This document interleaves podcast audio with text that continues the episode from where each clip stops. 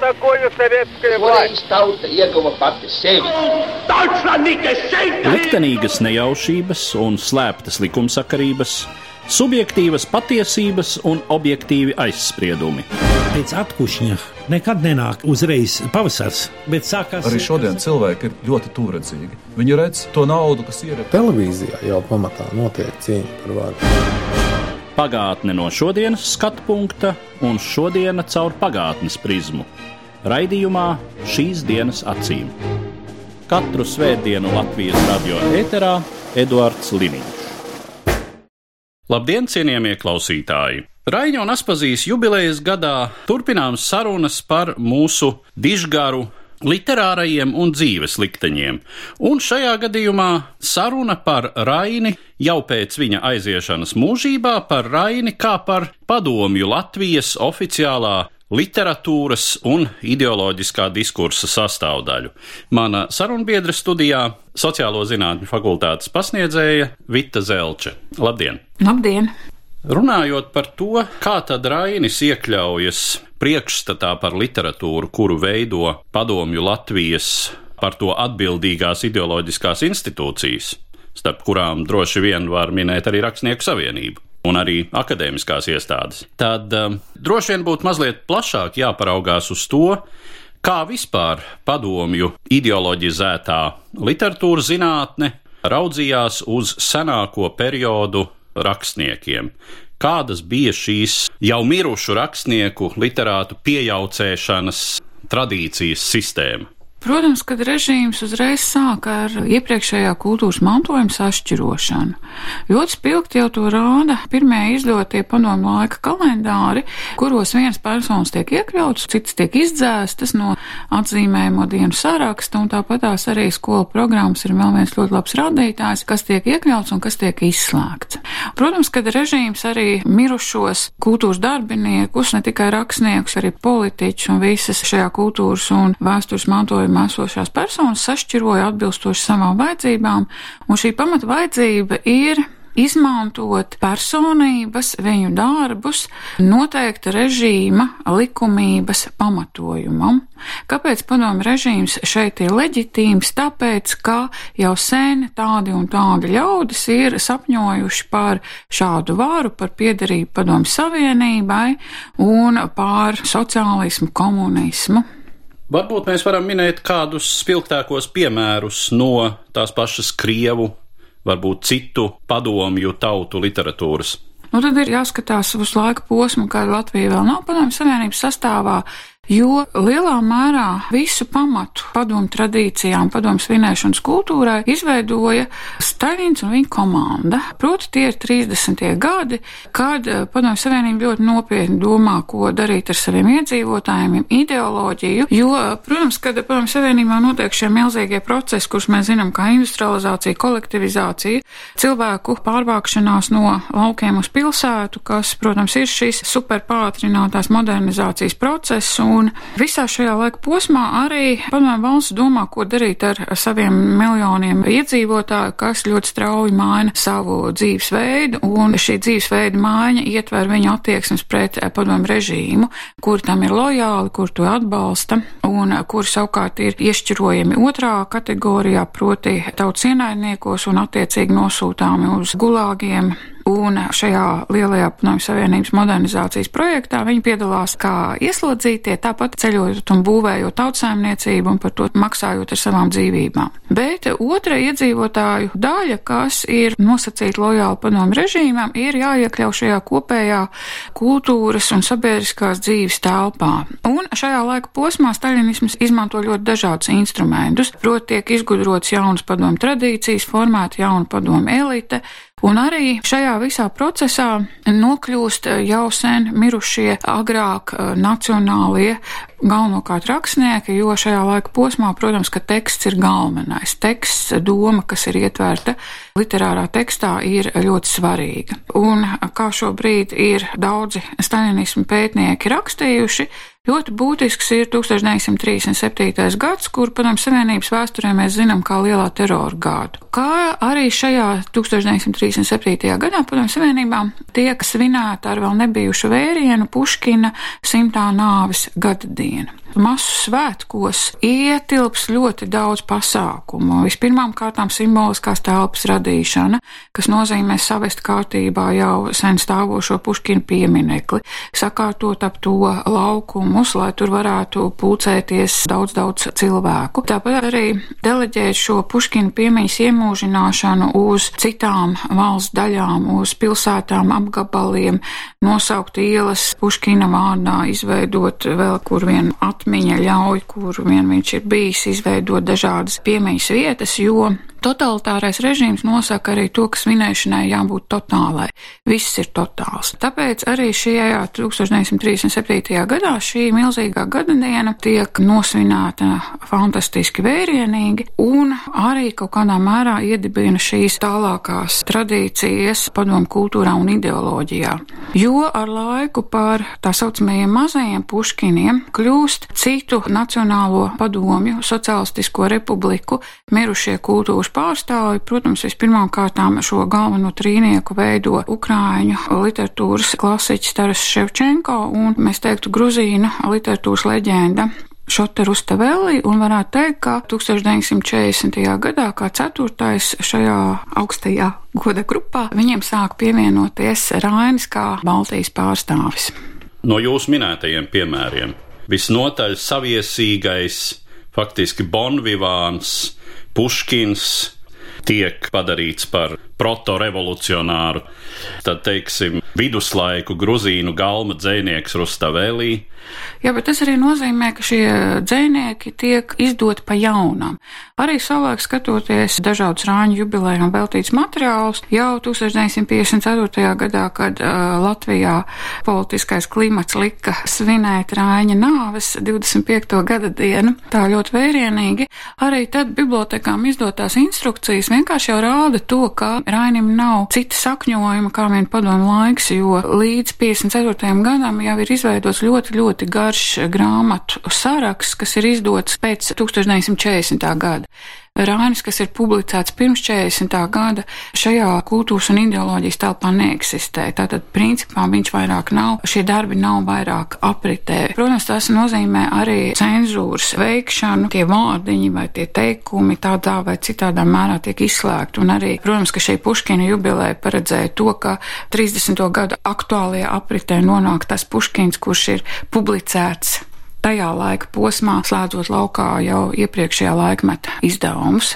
Ko nācās izdarīt ar Raini, lai viņu varētu tā pielāgot un pieņemami uzcelt uz padomju ideoloģijas postamenta? Es domāju, ka tie procesi jau nekad nav absolūti viennozīmīgi, jo arī es esmu lasējusi dažādu latviešu komunistu atmiņas, un arī šajās mutvānu intervijās mums ar viņiem ir bijušas sarunas, jo šī 30. gadu jauniešu paudze, vai nu viņi ir, teiksim, labēji vai kreisi, viņiem tomēr pret Raini bija pilnīgi cita attieksme. Viņi bija Raini lasījuši paši, viņiem bija savs redzējums.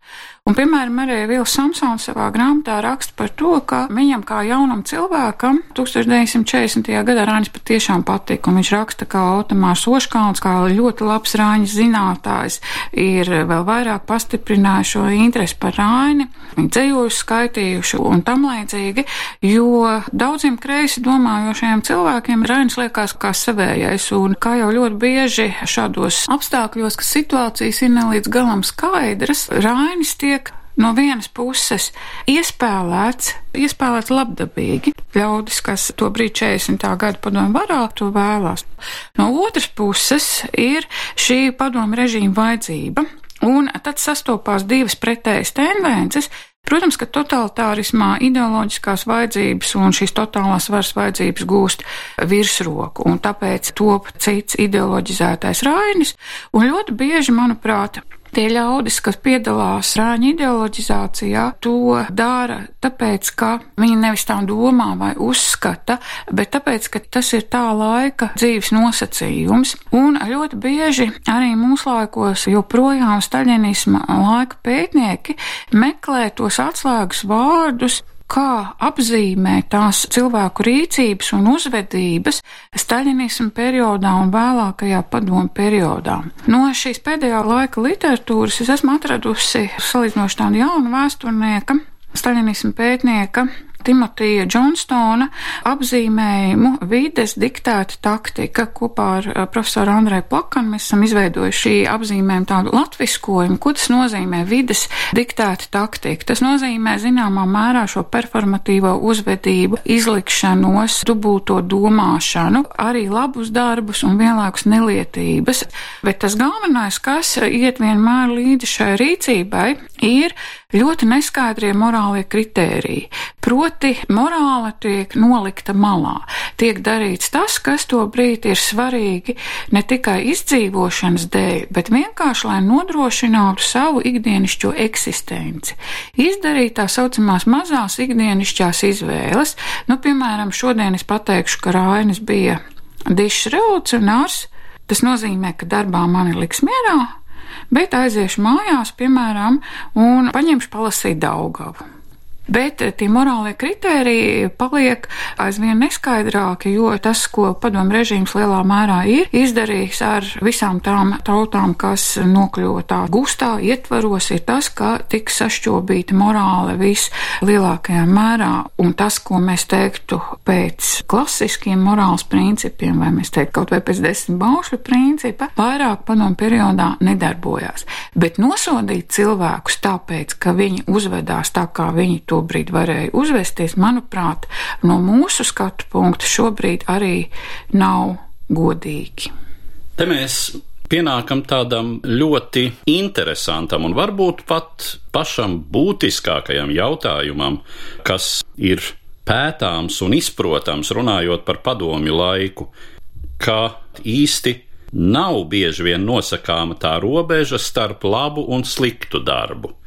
Vai teiksim, pielāgojot Raina biogrāfiju, viņa uzskatus, viņa literāro darbību ar attiecīgiem cenzūras paņēmieniem, šīm ideoloģiskajām vajadzībām. Tajā pašā laikā atgādinot latviešiem, ka viņiem ir dižs dzēnieks, līdz ar to ceļot pašapziņu, kas ir arī nacionāla. Vai tas ir labi vai slikti? Robeža šajā gadījumā tiešām nav, bet ar laiku tomēr kā mēs to diezgan arī labi saprotam šajā Rāņa jubilejas gadā, ir tas, ka veicot šīs spēlītes, lielās līnijās Rāņa mēs pazaudējam kā patiesu vērtību. Un skatoties uz ideoloģizēto raini, šī pazaudēšana diezgan jau ir izteikta pēc 60. gadiem, jo tad arī mainās šīs paudzes. Līdz 60. gadiem, ja mēs arī runājam par nacionālu komunistu paudzi, viņi paši skaidri zina, ka viņiem ir divi rāņi. Ir tas rānis, ko viņi ir iemācījušies bērnībā un jaunībā un atraduši priekš sevis, un ir šis eh, sovietiskais ideoloģizētais rainis. Bet um, arī ir vēl viena ļoti interesanta lieta. Tā saucamā pēdējā padomu paudze, par kuru ļoti labi ir rakstījis un ko ir pētījis antropologs Aleksis Jurčaks, Proti, ir cilvēki, kas ir dzimuši no 50. gadu vidus līdz 70. gadu vidum, un kuru skolas laiks ir iekļāvies padomju periodā, un viņiem ļoti daudz šīs padomju lietas nāca vienkārši automātiski. Ir tā, kā tas ir, un tā mēs dzīvojam. Un šī ir tā padomju paudze, kas nonāk jaunās dzīves šķērēs, proti, padomju savienība beidzās. Zināmā mērā tas arī nāca daudziem tā kā pārsteigums, ka šī valsts ņēma un pazuda. Un tad ir jautājums, kā šiem cilvēkiem tikt galā ar Raini.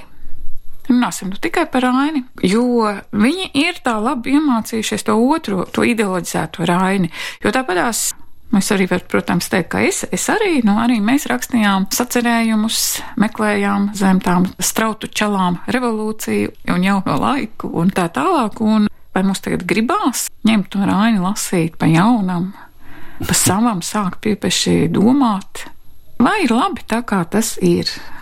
Daudzos gadījumos droši vien ir labi. Ja es atceros savu pieredzi, man vienkārši laikam ļoti paveicās, jo apmēram tajā pat laikā, kad eh, Rainis bija skolas programmā apgūstams vidusskolas laikā, bet nu, tas jau ir salīdzinoši ļoti vēls padomi laiks, tātad 80. gada pirmā puse.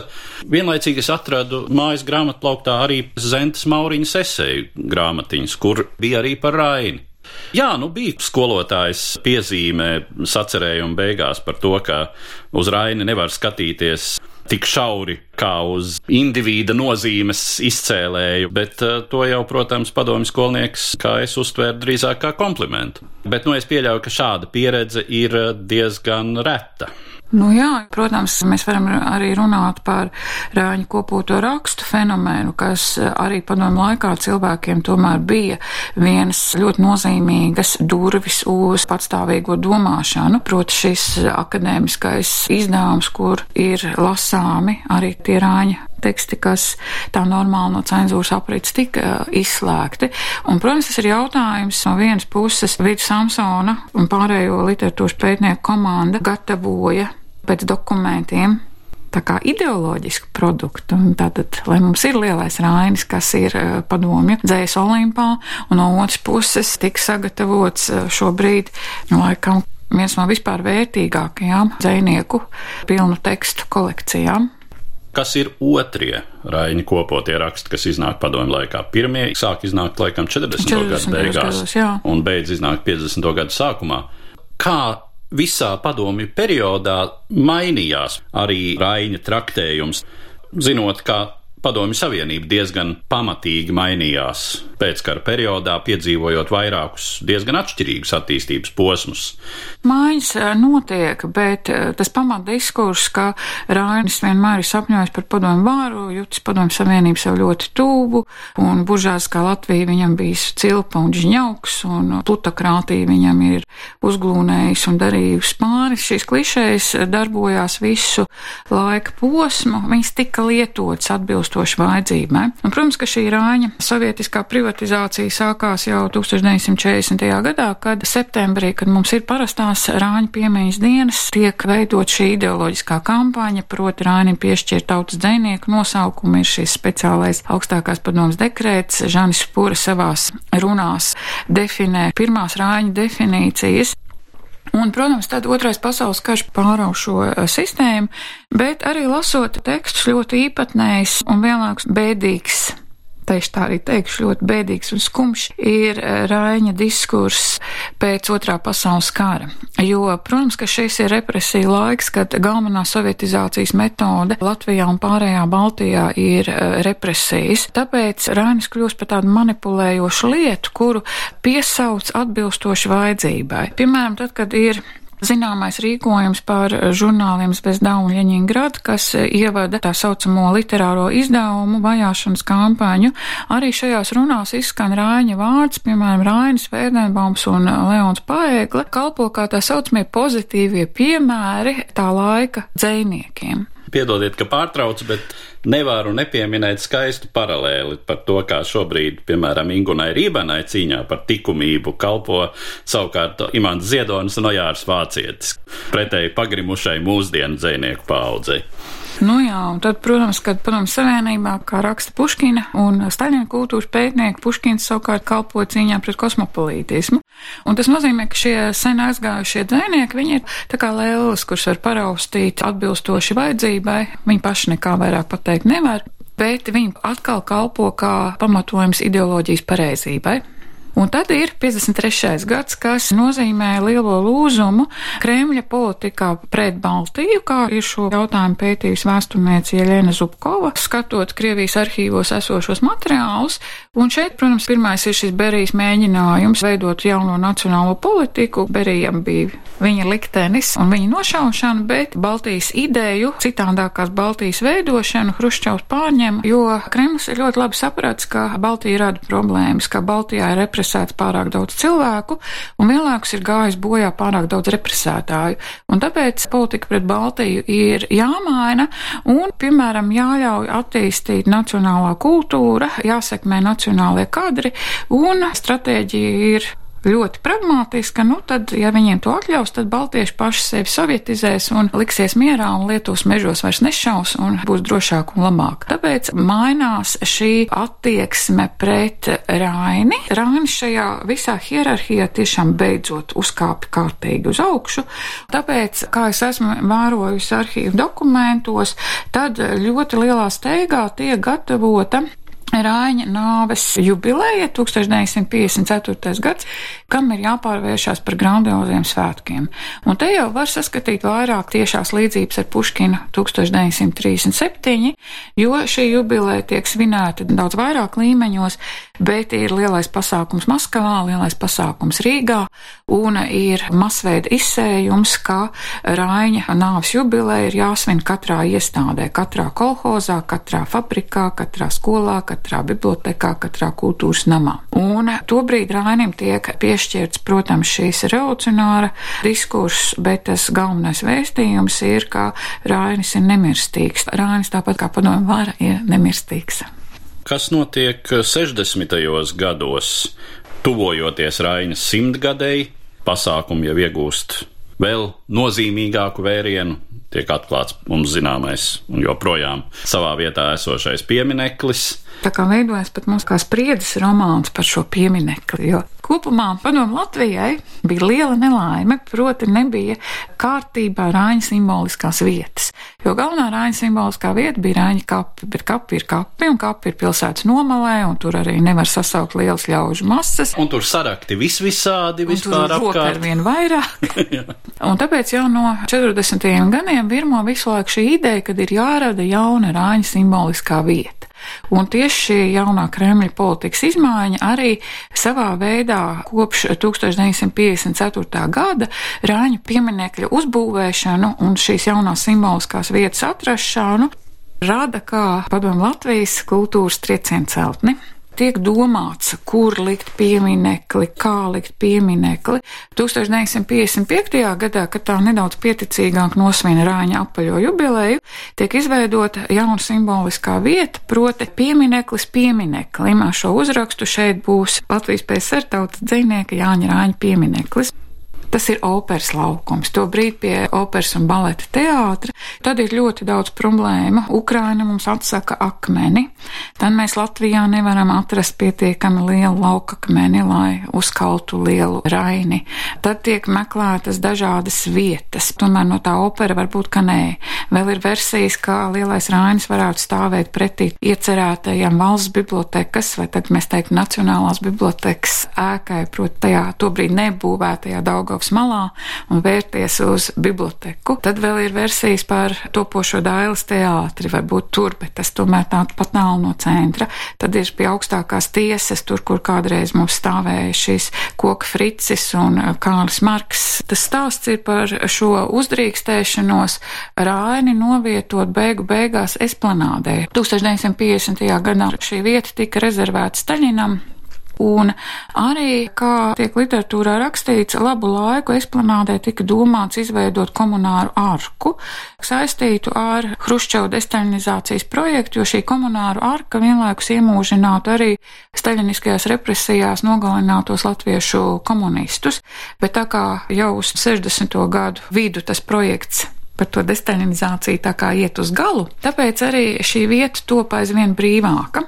Tad, lai tomēr mēs tiktu pie lielā rāņa, notikumus izšķīra Latvijas komunistiskās partijas centrālās komitejas iejaukšanās, vai tas, ka šī mūsu padomu republikas augstākā institūcija ņem zem savas pārni gan rāņa pieminekli, gan rāņa simto jubileju, un Arvīts Pelše raksta gan uz Maskavu, kad Kruščova posmā aizliedz būvēt lielos pieminekļus, lai mums tomēr atļauj, un par akmeni arī kaut kur acīm redzot labu vārdu aizlika, ka mēs dabūjām lielu akmeni no Karēlijas, un šī centrālās komitejas iejaukšanās tiešām Latvijai ļauj tikt 65. gadā pie fantastiska visas padomju savienības mērogā rakstnieka, dzēnieka pieminekļa.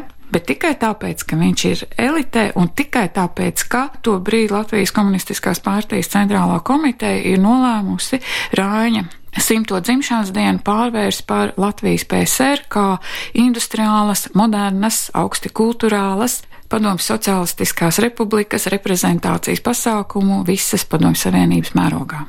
No šī brīža savu sākumu skaita arī dzējas dienu tradīcija.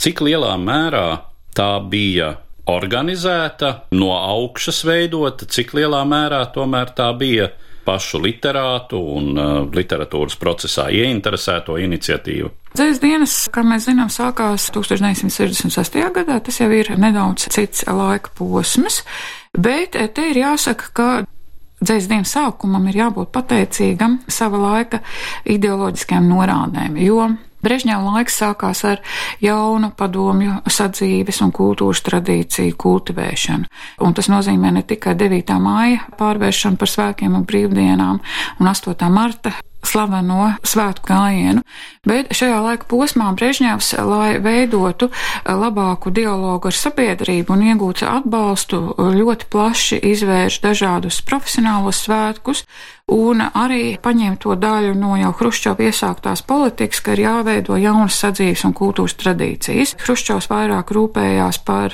ateistisko tradīciju veidošanu, proti tas, ka nav bērs ar mācītāju, kristības nenotiek baznīcā, bet tas viss notiek padomu institūcijās, bet šajā laika posmā ļaudis, kas strādā ideoloģiskajā un kultūras darbā, tiek mudināti un rosināti domāt jaunas tradīcijas. Un dzējas dienas top kā izgudroties svētki, kuri to brīdi ir ļoti vajadzīgi.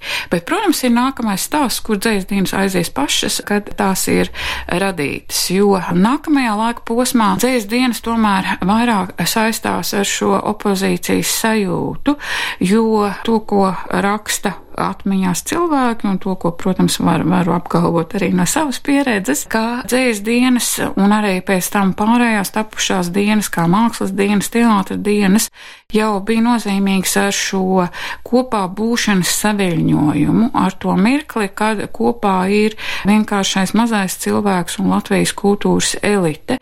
Un tas bija ļoti svarīgi cilvēkiem tāpēc, ka Padomju režīms bija izpostījis uzticēšanos citam cilvēkam, jo tas vēl viens pārsteidzošais skaidrs, ko sociologi ir konstatējuši jau 90. gados, kad sāk veikt aptaujas, tas ir ļoti zemais cilvēku savstarpējās uzticēšanās līmenis. Tikai daži desmit procentu cilvēku saka, ka viņi uzticās citam cilvēkam vienkārši tiek sarauts saites, kādā veidā sabiedrība var, var eksistēt, veidot kopīgus projektus. Anekdotiskā līmenī, ja mēs esam trīs, tad kurš no mums ir stukačs? No divi ir stukači. mēs esam trīs. Tik. Tieši tā. Un tad eh, vismaz šī sajūta, varbūt tā ilūzija par kopību, ka mēs esam teiksim, liela sociāla grupa, ka mēs esam tauta, ka mēs esam kultūras tauta. Tā pateicoties dzēs dienā varēja pastāvēt. Un tur arī varēja uztvert šīs vidas diktētās taktikas iezīmes, proti lasīt dubult nozīmes un mēģināt saprast šos poētiskos tekstus tā, kā to gribējās saprast. Noslēdzot mūsu sarunu, jūs jau piesaucāt to iespaidu, kādu uz Raņa uztveri ir atstājis šis padomju laiks un Raņa padomiskā ideoloģizēšana, ka proti uztver Raini bieži vien kā tādu bronzas lūzni, kas mūsu laikos vispār ir arhaisks, neinteresants un pilnīgi neatbilstošs šodienas literatūras interesantumam. Ko mēs varam teikt par šī perioda iespaidu vispār uz Raina šodienas uztveri?